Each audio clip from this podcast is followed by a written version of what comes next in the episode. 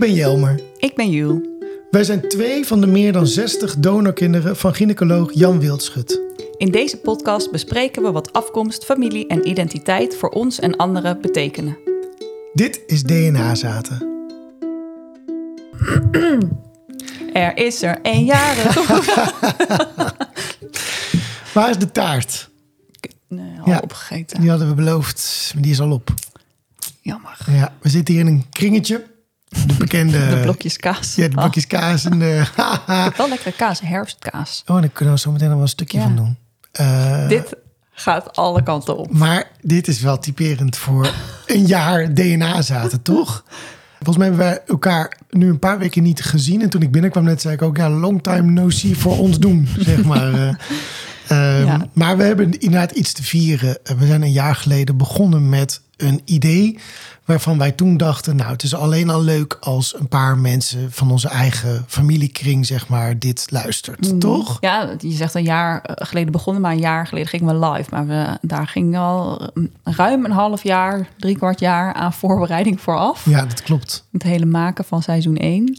En Ja. ons doel was eigenlijk een beetje om voorbij het schandaal te gaan van ons verhaal. En voorbij Jan Wildschut, die allemaal dingen heeft gedaan die niet oké zijn. Maar om te laten zien, wij zijn gewoon mensen. En wat is ons verhaal? En op welke verschillende manieren kan je dit allemaal beleven? Ja. Die diversiteit aan verhalen la- laten horen. Daar hebben we ontzettend veel mooie, liefdevolle reacties op gehad. En veel mensen die zich erin herkenden. Voor Ja. wie het iets heeft betekend. En niet alleen van onze eigen groep, maar we hebben Nee. ook heel veel reacties gekregen van andere donorkinderen. Ja, Die ofwel in vergelijkbare situaties zitten, of helemaal niet. Of die net wisten dat ze donorkind waren. En waarvoor de, het luisteren naar deze gesprekken gewoon heel veel heeft gedaan in hun eigen proces. Van, oh ja, wat betekent dit eigenlijk allemaal? ja. Dus zijn we doorgegaan. Ja. We hebben nog meer gesprekken. Met niet alleen maar meer halfzussen en broers. Maar ook met de iets grotere familiekring daaromheen. Eh, we hebben met een aantal ouders gesproken. We zijn ook echt daar buiten nog gegaan. Dus langzamerhand ook wat meer mensen van buitenaf. Ja. Ehm, die met ons verhaal eigenlijk niks te maken hebben. Ja, Nee. en, en ja, ik weet niet wat jij vindt. Ik vind het nog steeds leuk. Ja, ik ook. Ja, Dus je wil nog wel met me verder. nog wel. Bij deze is dat vastgelegd. Vastgelegd. Jules wil nog wat door. En nou, zo, we zijn niet zo goed in seizoenen tellen. Eh, want we zijn, dit is een soort van seizoen drie, geloof ik. Ja, maar het gaat allemaal een beetje in elkaar over. Ja, want ergens gaan we een keer beginnen met seizoen vier. We We hebben wel door. een nieuwe intro nu. Ja, we hebben een nieuwe, Ja. nieuwe intro. Die heb hebben we wel gedaan omdat we dachten... nou, die oude, die is niet meer helemaal... Die is een beetje te beknopt. Ja. We zijn wat ge- gegroeid. Ja, inderdaad. Dus, eh, en deze DNA-zaten kort willen we gebruiken om eh, op dat jaar DNA-zaten terug te blikken. Ja. Eh, en eh, we bedacht, is het leuk misschien om allebei een top 3 te maken van fragmenten die ons dierbaar zijn. Ik denk dat het ook leuk is voor als je nu begint aan deze podcast en je denkt: oh my god, 25 afleveringen, waar moet ik beginnen? Ja, nou. Luister naar onze top drieën en dan eh, ja, heb je een maar- beginnetje. Wat niet wil zeggen dat de mensen die niet in onze top 3 zitten, dat die niet het, de moeite waard zijn eh, om te, te Oh ja, beluisteren, die zo verhalen. Ja, nee, dat moeten we niet, dat moeten we niet hebben. Daar, daar krijgen we veel, veel ruzie mee. Veel ruzie. Wil jij beginnen? Naar Eh, top drie? Ja, zal ik dat doen? Ik wil beginnen met Remco. Mhm. Dat is de, de, de, moet ik het even goed zeggen, de vierde aflevering. En wat goed is denk ik om erbij te zeggen, voordat we naar dat fragment gaan luisteren, is dat wij Remco ook echt voor het eerst in ons leven Ja. zagen. Ja, en hij vertelt heel mooi over hoe dat voor hem is en, en, en wat voor betekenis daar voor hem aanhangt. Laten we daar even naar gaan eh, Ja. luisteren. voor jullie de, de eerste keer dat jullie mij zien, maar voor mij Ja. überhaupt de eerste keer dat ik iemand ontmoet die eh, mijn halfbroer of halfzus is. Oké, oh, je hebt ook nog niemand uit de groep Nee, eh, dus eh, één op één ontmoet of contact mee gehad. nee, ik, ik ben ook al de hele tijd eh, aan het nadenken van oké, wat, wat ga ik dan straks denken als er twee mensen naar binnen lopen die eh, voor de helft dezelfde genen dragen als ik. Ehm, ik. Ik had die vraag ook gelezen eh, waar ik me eventueel op voor kon bereiden over. Mhm. eh, en een van de vragen was hoe, hoe omschrijf je eh, de groep als ik het er met iemand over heb. Ja, Ja, en toen vroeg mijn dochter dus vanochtend, ehm, wie zijn die twee mensen dan die langskomen? En ik, ik heb geen idee eigenlijk. hoe moet je dat uitleggen Ja, aan een ga ik kind haar van... vertellen dat, eh, dat is mijn broer en mijn zus. Geen idee. Dat, nee, het zijn eigenlijk twee vreemde mensen die, eh, ja, die binnenkomen. Ik weet het niet. dat was het fragment van Remco. Ja. Wat, wat vond je daar zo bijzonder aan? Nou, ik, ik vond dat hij zo treffend schetst hoe gek het eigenlijk is om met mensen die je soms nog nooit in je leven hebt gezien over dit onderwerp te gaan praten. En dat het ook nog eens familie dan van je is. Ja. Maar wat is familie dan? En ik vond het heel mooi dat hij inderdaad ook schetst. Ja, zijn jullie nou familie van mij? Zijn jullie mijn broer en zus? Nee, zo, Nee. zo zie ik het niet. En dat vond ik heel terecht en heel begrijpelijk dat hij dat zo zei. En ik heb dat gesprek denk ik ook wel erbij gehad, omdat Remco... Ja, dat was best wel een pittig Ja. gesprek, want Remco is helemaal niet blij. eh, zeg Nee. maar, om dat even eh, kort door de bocht te zeggen. Het feit dat dit voor hem zo blijkt te zijn, eh, heeft heel veel voor hem, voor hem overhoop gehaald. En hij ik kijk daar best wel eh, met ja, gemengde gevoelens op terug. Zeg ik dat goed? Nou ja, niet alleen voor hem, hè, want Remco is een van de. KIE-gevallen. Ja. dus waarbij ook de ouders in de veronderstelling waren dat de opvoedvader de biologische vader Ja. zou zijn. Ja. Wat niet zo blijkt te zijn. Dat is natuurlijk onvergeeflijk Ja. verschrikkelijk als je daar nu achter moet komen. Ja, en ergens in het gesprek zeggen wij volgens mij ook nog een keer van ja, oh, ik merk echt dat ik dit gesprek best wel pittig vind. Eh, en ehm, ik denk dat dat ook mooi is dat we dat open naar elkaar hebben uitgesproken. Ja, dat is een aangrijpende aflevering. Ja. Maar wel heel belangrijk, denk ik. Want hoe aangrijpender het voor jezelf is, hoe moeilijker het misschien ook is om over te komen praten in een podcast. Ja. Maar hoe meer je de anderen wellicht ook mee kan helpen. Want ik weet ook wel in de groep, de andere KIE-mensen hebben het heel erg gewaardeerd dat hij zijn verhaal heeft verteld. Ja. Ja, door naar de volgende. Nummer ja, twee. nummer twee. Nou, grappig is dat ik nu opeens dan zie dat er een verband toch wel een misschien is. Of het is gewoon puur toeval. Want nummer twee is ook een, een, een KIE-verhaal. Het is ook een man. ook, ook dat, een man. ook een man. En ook een KIE-verhaal. In de zesde aflevering hebben we Arjen gesproken. Het verhaal van Arjen en van zijn eh tweelingzus en tweelingbroer. Eh is Drieling. misschien nog wel... Ja, dus ze zijn met z'n tweeën... Een Ja. drie, ja, dus ik zeg Ze zijn met z'n tweeën een drieling. Sorry. Een drielingzus en drielingbroer. Dank je, Ja. dat. eh, is zo mogelijk nog heftiger wat er voor hen is gebeurd. En ik kwam een quoteje tegen waarin Arjen eigenlijk in, in nou, misschien 30 seconden of zo het allemaal eigenlijk samenvat. Dus eigenlijk vond ik het mooi om daar even naar te gaan luisteren. We waren heel hecht wel als drieling. En mijn plek is wat anders dan die van mijn broer en mijn zus. Maar dat is meer omdat het op een gegeven moment, nou, toen ik zeven, zes, zeven was, te zwaar werd thuis. Achteraf gezien kan ik dat wel snappen. Maar die eigenschappen die ik misschien, waarvan ik nu weet dat ik ze van Wildschut had, namelijk ja, dat, dat hoog intelligente, heel veel denken, heel een beetje star zijn en zo, had er toen geleid dat, ehm, dat ik uit huis geplaatst werd toen ik acht was. Hm. Een van de drieling. Jeetje. Dus ik heb een half jaar in de opvanggezin gewoond en daarna nog een paar jaar in de, ja, in de kinderpsychiatrie intern. Ja, als mensen toen hadden geweten dat je vader niet je vader was, dan was er heel anders naar je gekeken met een meer een eh, open blik. ja, heel mooi hoe helder het hier wordt dat het niet alleen voor jezelf belangrijk en fijn is om te weten waar je vandaan komt, maar ook voor de mensen om je heen.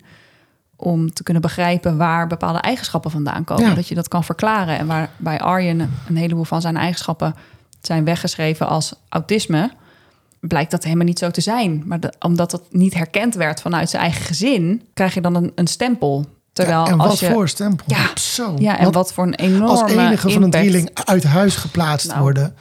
Eh, zijn, ik vond het verhaal over zijn jeugd en hoe hij zich daaruit heeft ontworsteld. Ja. Van speciaal onderwijs uiteindelijk naar geneeskunde is gegaan. Mhm. En, En- uiteindelijk huisarts. Ja, Ja. eh, is natuurlijk.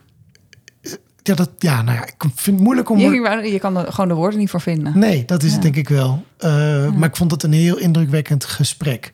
En nog steeds, als ik voorbeelden moet noemen tegen mensen over wat voor gesprekken we in de podcast hebben, dan, dan, dan laat ik deze vaak wel terugkomen. Ja. Ja. Ja. ja.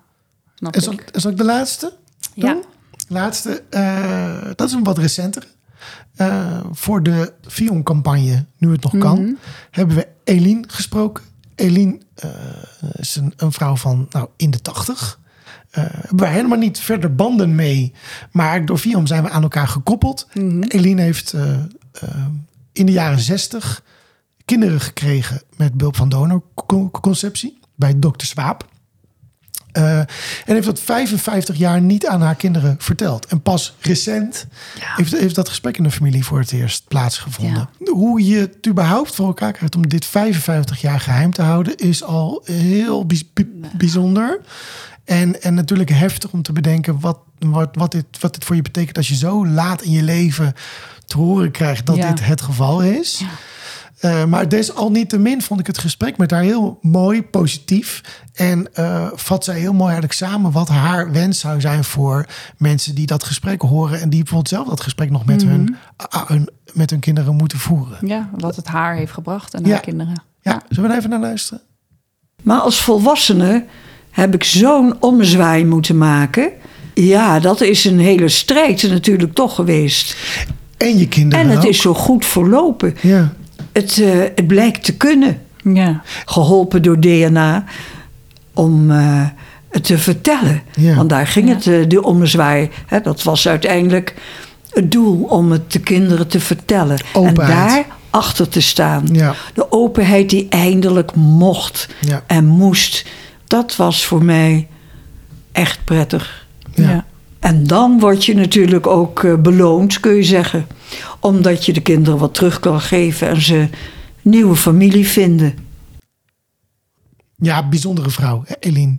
Ze kan het mooi vertellen. Prachtig. Ja. Ik vond het leuk om dat als laatste van mijn top 3 te hebben. Omdat we dus inderdaad ook stappen hebben gezet om, om mensen buiten onze familiekring Ja. te spreken. En dat eigenlijk minstens zo mooie verhalen op Ja. blijkt te, ja te, te Het leveren. was echt weer een fascinerend verhaal. Ja. Ja. Nou, dat was mijn top 3. Ja. Nu jij. Mijn eh, top drie.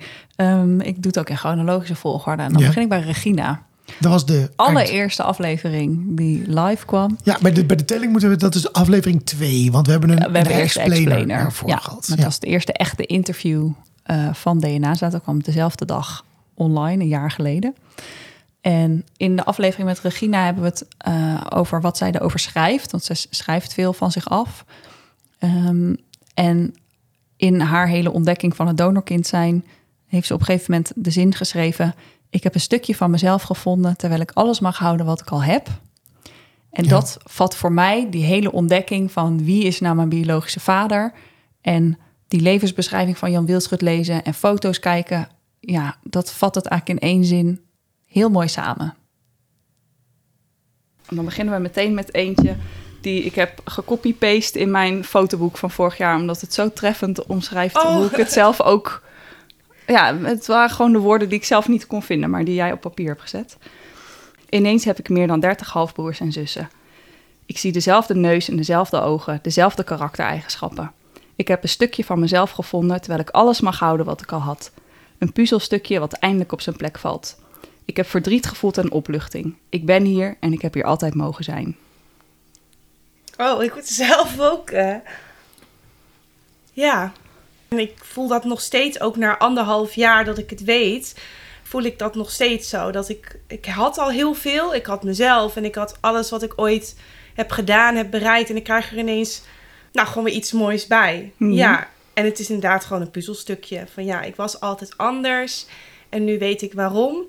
En nu vind ik ook dat puzzelstukje ineens weer terug. Want soms weet je van, nou ja, er ontbreekt iets. Maar wat? En dat heb ik dan allemaal bij jullie gevonden. Ja. Ja, dat was een bijzonder en ook best wel emotioneel gesprek, hè? Ja, Regine kan het mooi in woorden vatten. En het is inderdaad, er, er verandert niks aan wie je bent. En er verandert niks aan de kennis die je over jezelf hebt. Want je bent nog steeds dezelfde persoon als de dag voordat je deze informatie kreeg. Ja. Maar je kan het nu wel beter plaatsen. En je vindt toch een soort stukje bevestiging van je eigen identiteit. Dus je, ja, je vindt iets van jezelf terwijl je alles mag houden wat je al, al hebt. Ja. Ja, dat, ik vind dat zo prachtig in woorden gevangen. Ja. Daar, eh, dat onderschrijft voor mij wel hoe dat hele proces is geweest. ja. Ja. Volgende? Yes, dan gaan we naar aflevering 5. Onze hoogtepunten zitten allemaal wel in het begin, hè? Nee, want ik 1, had... 4, eh, 5, 6. Ja, en dan opeens 20.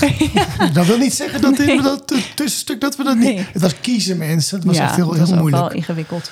Ehm, maar de aflevering met Marije. En ehm, daar wil ik het volgende fragment uit laten horen. Wat me opvalt als ik je hoor vertellen is eigenlijk een heel positief gevoel. Je hebt een hele heftige dag met heel veel nieuws. En Ja. je eerste reactie is in de slappe lach schieten. Of even bij je vader langs. Je beste vriendin is je halfzus. En Ja. de donor heeft eh, een beetje vreemd gehandeld, maar daar ben je allemaal oké mee. Zijn er ook momenten geweest waarop je wel eh, het ook moeilijk hebt gevonden? Nee, eigenlijk ben ik vanaf het begin oké geweest met dit verhaal. Ook omdat het veel van vroeger verklaart. Mhm. Waarom eh, dingen in ons gezin, de dynamiek altijd een beetje ingewikkeld was. Eh, waarom mijn zusje en ik heel vaak botsen met elkaar. En de communicatie met mijn vader soms best lastig is. Dus dit, dit verklaart dan veel. En het, eh, waar ik misschien vroeger eh, daar heel gefrustreerd over was, kan ik nu daar ehm, ja, veel liefdevoller naar kijken, omdat ik begrijp waar het vandaan komt. Mhm. En ook veel meer respect hebben voor mijn vader. Jeetje, je hebt gewoon elke dag gewoon ge- ervoor gekozen om mijn vader te zijn. Mooi. En Ja. Ja. voor, voor ons te zijn. Wat ik zo mooi vind, wat Marije hier vertelt. Een heleboel ouders zijn van tevoren natuurlijk bang. Van ja, maar als ik mijn kind vertel dat het een donorkind is, wordt onze relatie dan ineens heel slecht. Hè? Gaat onze band er dan aan?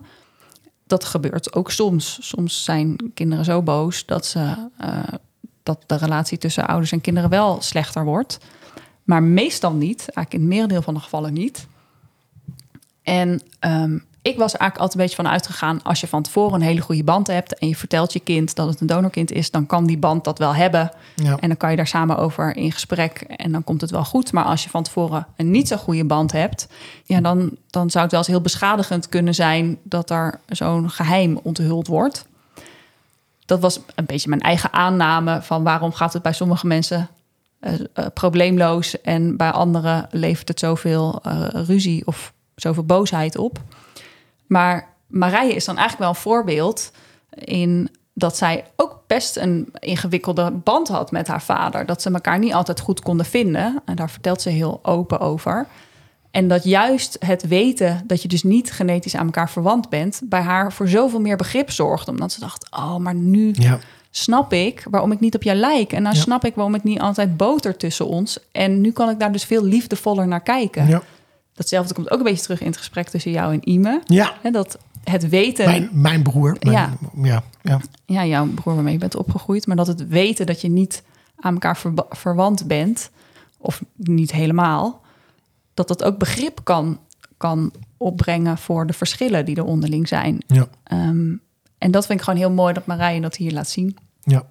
ja, prachtig. Ja. Ja. Nou, En dan als laatste wil ik naar aflevering 24, dat is de aflevering met Wim. ja, dat is pas geleden. Is pas Ja, online nog gekomen. niet zo lang eh, live. Wim, je zoon van gynaecoloog Jos Beek. Ja, de Eh. wettige zoon van gynaecoloog Jos Beek. En ehm, Ja. Jos, Jos Beek, waar het verhaal ongeveer hetzelfde is. Een beetje als, ja, vergelijkbaar met Jan Wild- ja, Wildschut. ook een, een gynaecoloog die zijn eigen sperma heeft gebruikt voor het verwekken van kinderen. Ja. En ook zij zitten ergens tussen de 50 en 60 donorkinderen, geloof Ja. ik nu.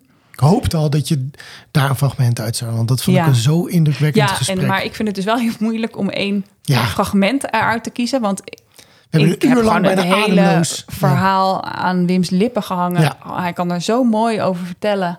Zo'n mooie stem trouwens ook. Ook, ja. eh, dat ik gewoon van de hele aflevering totaal onder de indruk was. Ja. Ehm, maar goed, als we er dan toch iets uit moeten halen. Ik geef even een korte samenvatting van, van de scène. Wim weet inmiddels dat er nakomelingen zijn van zijn vader. Dat zijn zijn halfbroers en zussen. Zijn vader ehm, heeft dementie en die kan dat niet meer allemaal helemaal ten volste begrijpen. En wat Wim doet, die neemt zijn vader mee naar het terrasje om wat te eten en te drinken. En die zegt tegen de eh, donorkinderen van Jos Beek... ik zit zo en zo laat op dat en dat terras. Als je Jos Beek wil zien, dan moet je nu langskomen. Ja. En vervolgens komen daar tientallen mensen, zoals Ja. Wim het beschrijft... naar dat terras om Jos Beek te zien, om hun biologische vader te zien. En dat hij daar de, de kans voor heeft gegeven... ehm, om dat aan zijn halfbroers en zussen te kunnen geven. Van nu heb je nog, nou, ja, nu heb je nog de mogelijkheid om hem te ontmoeten en om te zien wie Ja. het is. Natuurlijk niet meer in volle glorie zoals hij hè, voor zijn ziekte was. Ehm, dat vind ik heel mooi. En ook hoe zijn vader daar daarna op reageert. Dus ik had mijn vader opgehaald. We kom pa, we gaan lekker daar zitten. En eh, we hadden salade besteld en eh, een kopje koffie. En er komt er een stoet mensen binnen. Geweldig. Echt mensen met, met partners, met kinderen. Ja, ja, een heleboel mensen. Nou, tientallen. Echt geweldig. En eh, mijn vader had natuurlijk geen enkel benul van wat er gebeurde. Maar die mensen die kwamen allemaal hem natuurlijk handje geven en even snuffelen en even hallo zeggen. En gewoon even kijken. En weet je wat Betty ook zei? Van gewoon even kijken hoe is die beweging, hoe is zijn mimiek en hoe is die. Ja, ja. Nou, dat soort dingen zijn natuurlijk al heel erg belangrijk dan eh, voor iedereen die, die komt, even komt snuffelen en kijken. En je kon ook nog een beetje gesprek met hem voeren, weet je, Alzheimer of niet. Wat er ook uitkomt is niet zo van belang, maar er was in ieder geval iets mogelijk. Dat was een hele, hele bijzondere middag. En, ehm, en toen kwamen we in zijn, eh, in zijn kamer, in het zorghotel. Vader zat in zijn hele grote fauteuil waar hij altijd zat. Ik zeg, pa, eh, weet je nu wat er is gebeurd met die hele groep mensen? Die, die mensen waren voor een groot stuk jouw donorkinderen. Uit die tijd dat je in het ziekenhuis dat werk hebt gedaan. Zag ik hem een beetje zo, eh, een beetje zo nadenken. Toen pakte hij eh, zijn glas. Dat was gewoon een glas water, denk ik. En toen ging hij staan uit zijn eh, grote fort- fauteuil. En toen zei hij, nu is het cirkeltje rond. Nu kan ik gaan slapen, zei hij. Ja. Ja, sprakeloos ben ik daar gewoon van. Ik ook nog steeds. En misschien moeten we dat ook gewoon blijven. Ja. Heel, heel dankbaar dat we dit gesprek hebben mogen voeren. Nou, zeg dat. Jeetje, nou, hey, dat- en, en naast onze top drie, zijn er nog andere hoogtepunten voor jou dit jaar? Eh, even denken. Nou, ik denk dat een hoogtepunt voor mij is dat we de middelen uiteindelijk hebben kunnen krijgen om deze podcast wat soepeler te laten verlopen. Dat het is gelukt om dat te, te, te vinden, om mensen te vinden die ons willen steunen. Dus een soort algemeen hoogtepunt vind ik dat we zowel van Fion, maar ook van mensen ja, thuis van vriend van de show, al vrienden van de show. Ja. Ja. daar ben ik mega dankbaar voor. En, en, en, en, en dus mede daarom ook mensen super, super be- bedankt. Heel erg fijn eh, dat we dat kunnen doen. Ik denk dat het hoogtepunt dat jij nog wilde inbrengen was... Ja, dat is misschien een beetje raar, maar in één woord de erkenning. Ja. ja, ik denk toen we een jaar geleden begonnen, ehm, toen de podcast live ging, was ons doel eigenlijk vooral om ons verhaal te vertellen, om een beetje voorbij te gaan aan het hele schandaal eh, rondom Jan Wildschut en wat hij allemaal wel niet heeft gedaan. Maar om het menselijke gezicht erachter te laten zien en alle verschillende manieren waarop je dat kan ervaren. Ja. Sommige mensen zijn boos, sommige mensen zijn blij met wat ze hebben gevonden, anderen zijn verdrietig. En Weer iemand anders maakt het niet zoveel uit en alles daartussenin. Maar inmiddels worden we ook gevonden door anderen als bijna een soort deskundige eigenlijk op het gebied van donorkind zijn en zoveel broers en zussen Ja. hebben. Hè, zoals dat de Volkskrant ons wist te vinden voor het artikel van de zomer. Maar ook dat we nu dus gevraagd worden om op congressen mee te praten Ja. voor fertiliteitscounselors om daarin ons verhaal te doen, zodat ze daar wat nou ja, mee kunnen en iets met onze ervaring kunnen doen. En dat vind ik wel echt het. Een, Een groot, nou ja, ja, een groot een compliment kun je krijgen had ik dat niet kunnen bedenken. Nee. En ik vind het inderdaad gewoon een enorm compliment. Ehm, en ik vind het super fijn dat er dus naar ons geluisterd wordt. En dat fertiliteitscounselors de podcast aanraden aan hun cliënten. Van luister dit. En dan krijg je een beetje een beeld van wat het betekent om een donorkind te zijn. En ja. Ja. dat had ik echt niet durven dromen Nee, dat dat het gevolg ervan zou zijn. nee. Dat het zo, eh, ja, Ja, zou ben gaan. ik, ben ik echt volledig met je eens. Ja. Ja. dat vind ik heel tof. En ik hoop dat dat door, door blijft gaan. Ja. En eh, dieptepunt? Is er ook dieptepunten geweest? Nou, mijn persoonlijke dieptepunt is misschien dat wij in kampen stonden voor de opname met Astrid en dat ik de microfoons niet had meegenomen. Ja. Dat is eh, gelukkig was, was, waren Astrid en Naël niet te beroerd om Nee, gewoon in de auto niet. te stappen, achter ons aan te rijden en de De opname, hier. in Amersfoort te, te voltrekken. Voordeel is denk ik weer dat we nu inmiddels nieuwe, nieuwe apparatuur hebben. En die koffer is zo groot en Die kan je niet vergeten. Die vergeet Ja. je niet.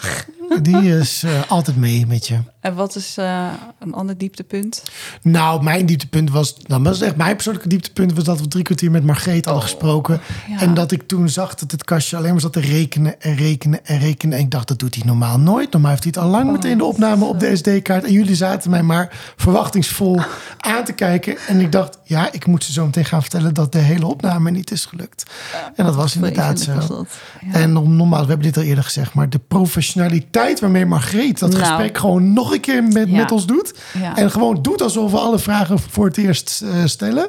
Nou, echt, die kan zo eh, talkshows gaan doen. Nou, grappig, ze heeft al in een talkshow gezeten. Je kan er zo nog een paar bij doen. Eh, Ja, dus dat... dat, was wel een beetje een schram ook op ons vertrouwen. We hebben daarna nooit meer in één take een hele aflevering Nee. opgenomen. We hebben altijd tussendoor opgeslagen en Ja. even dubbelchecken. Ja. Is het echt allemaal gelukt? Want tegenwoordig angst- doe ik het wel weer meer. Ja. Dat heb jij niet door, maar tegenwoordig doe ik Oh, bijna alles weer jij in one weer takes. Weer, eh, Ja, jij hebt dat ook wel. Jij bent nu. Je hebt meer. Jij hebt meer op je genomen in het afgelopen jaar. Ja. Je bent meer het editen gaan doen en je hebt je bekwaamd in onze nieuwe apparatuur. En ik ben een klein stapje teruggegaan. Ik help je nog wel mee in de podcast, maar de hele bedrijfsvoering eromheen zou je het haast wel kunnen noemen. Ja. Daar heb ik een beetje losgelaten. ja, en begrijpelijk, want je bent zo ongelooflijk druk. Gewoon met arts zijn. Eh, Ja, nou dat, ja. ja, ik, het is toch gek om te bedenken dat je gewoon door de week allemaal gewoon mensen in je, in je spreekkamer hebt. Eh, en, en weet ik wel wat voor behandelingen je allemaal uitvoert. Ja, dat wil ik ook allemaal niet, niet Nee, dat weten. wil je zeker niet weten. Maar, eh, en dan ondertussen Ja. nog eventjes dit nog even Ja. erbij doet. Dus mensen, eh, respect Nou, al- op. along for you. ik ja, kan mag best niet zeggen. tegen. Nee, vind ik heel ongepast. je hoort het bij ongepast. Iedereen, er zijn toch zoveel mensen die hard werken. Waarom moet dat toch als arts altijd weer zo uitvergroot worden? Oh, sorry. Ik heb Maar- wel altijd enorm, enorm respect inderdaad voor artsen. Ja, nou ja, ik vind dat altijd een beetje ongemakkelijk. Ik denk, het is ook gewoon mijn werk, hè? Ja, maar goed, dit, Maar goed. Is, dit is niet je werk. Dit doe je Nee, er dit nog is niet bij. mijn werk, dit doe ik erbij. En bij mij voor is het jou, misschien iets meer mijn werk. Ja, precies. Dus daarom hebben we het iets meer zo Ja. verdeeld. Nou, hè, zijn jullie daar ook weer van op de hoogte van de interne ontwikkelingen binnen deze podcast? Precies. Eh, tot slot, gaan we nog weer een jaar, jaartje door? Wat mij betreft wel. Yes. Zeker. Ja. Ehm, ja, en misschien wel willen we dan ja, ook mensen oproepen. We gaan een jaar weer in. We hopen nog heel veel mooie gesprekken te voeren. Heb jij ben nou jij, een ben jij of ken jij iemand? nee, maar heb je nou... nou ja, jij, jij ja, heb je een beter. perspectief wat misschien nog niet aan bod is gekomen? Ja, Eh, kijk, ik merk in eh, het begin van, eh, van seizoen 1 hadden we best wel veel wat pittige ges- gesprekken. ja, En dat is daarna wordt het wel wat luchtiger, denk ik. Seizoen 2, seizoen 3. Het is, elk verhaal blijft aangrijpend. Maar er zijn gewoon ook veel mensen op ons afgekomen van... ik wil wel met jullie in gesprek of ik wil wel meedoen aan de podcast. En ik, dat zijn denk ik niet altijd de mensen die er heel veel moeite mee hebben. nee. Of die ehm, waar nog veel pijn zit rondom het hele onderwerp. En dat is wel mijn wens eigenlijk voor de komende afleveringen... dat we toch nog een keer weer met zo iemand in gesprek kunnen. Van Ja. wat nou als je het allemaal niet zo positief ziet... Ja. en het je wel heel veel doet. Ja. Ja, het heel veel doet, het doet iedereen heel veel. Maar als je er wel echt veel last van hebt, Ja. dat je donorkind bent... daar zou ik nog wel eens een mooi gesprek over willen voeren. Ja, dat zou inderdaad mooi zijn. Ja. Denk ik ook. Ik zou bijvoorbeeld graag nog meer ouders willen Mhm. spreken. We hebben er een paar gehad. We hebben eh, Peter gehad. We hebben jouw eh, moeders gehad. We Ja. hebben Henk en Lydia. Lydia, gehad. Eh, ik denk dat daar nog meer diversere verhalen nog zijn te halen. Ja. Eh, die zou ik graag willen laten horen. Dus En misschien kunnen we ook wel eens een donor spreken. ja, Een anonieme of een bekende donor. ja. En een bekende donor. Een Deense donor. Dan gaan we in, in het Deense praten. oh, dat kan niet. Zullen, we, zullen we afsluiten? Ja, we gaan onze verjaardag vieren. Tijd Ja. voor feest en Laten taart. we dat doen. Ja, lekker. Zin aan. En kaas. Kaas, Kaastaart. kaas. Oh, cheesecake. Oh, we hebben er rond. Mensen, tot gauw. Nou, hatsa, dat was hem. Doeg! Dit was DNA Zaten, een podcast van Jelmer en Jules. Wil je ons steunen? Ga dan naar vriendvandeshow.nl slash dnazaten. Je kunt ons ook volgen. Kijk dan op Instagram, dnazaten. Heb je behoefte aan meer informatie? Kijk dan op de websites van FIOM, Stichting Donorkind en het landelijk informatiepunt Donorconceptie. De linkjes vind je in de show notes en op dnazaten.nl. Ben je op zoek naar verdieping? Lees dan de roman Kit, K-I-D, die Jelmer heeft geschreven over zijn verhaal en die je kan vinden in de boekhandels. Tot de volgende!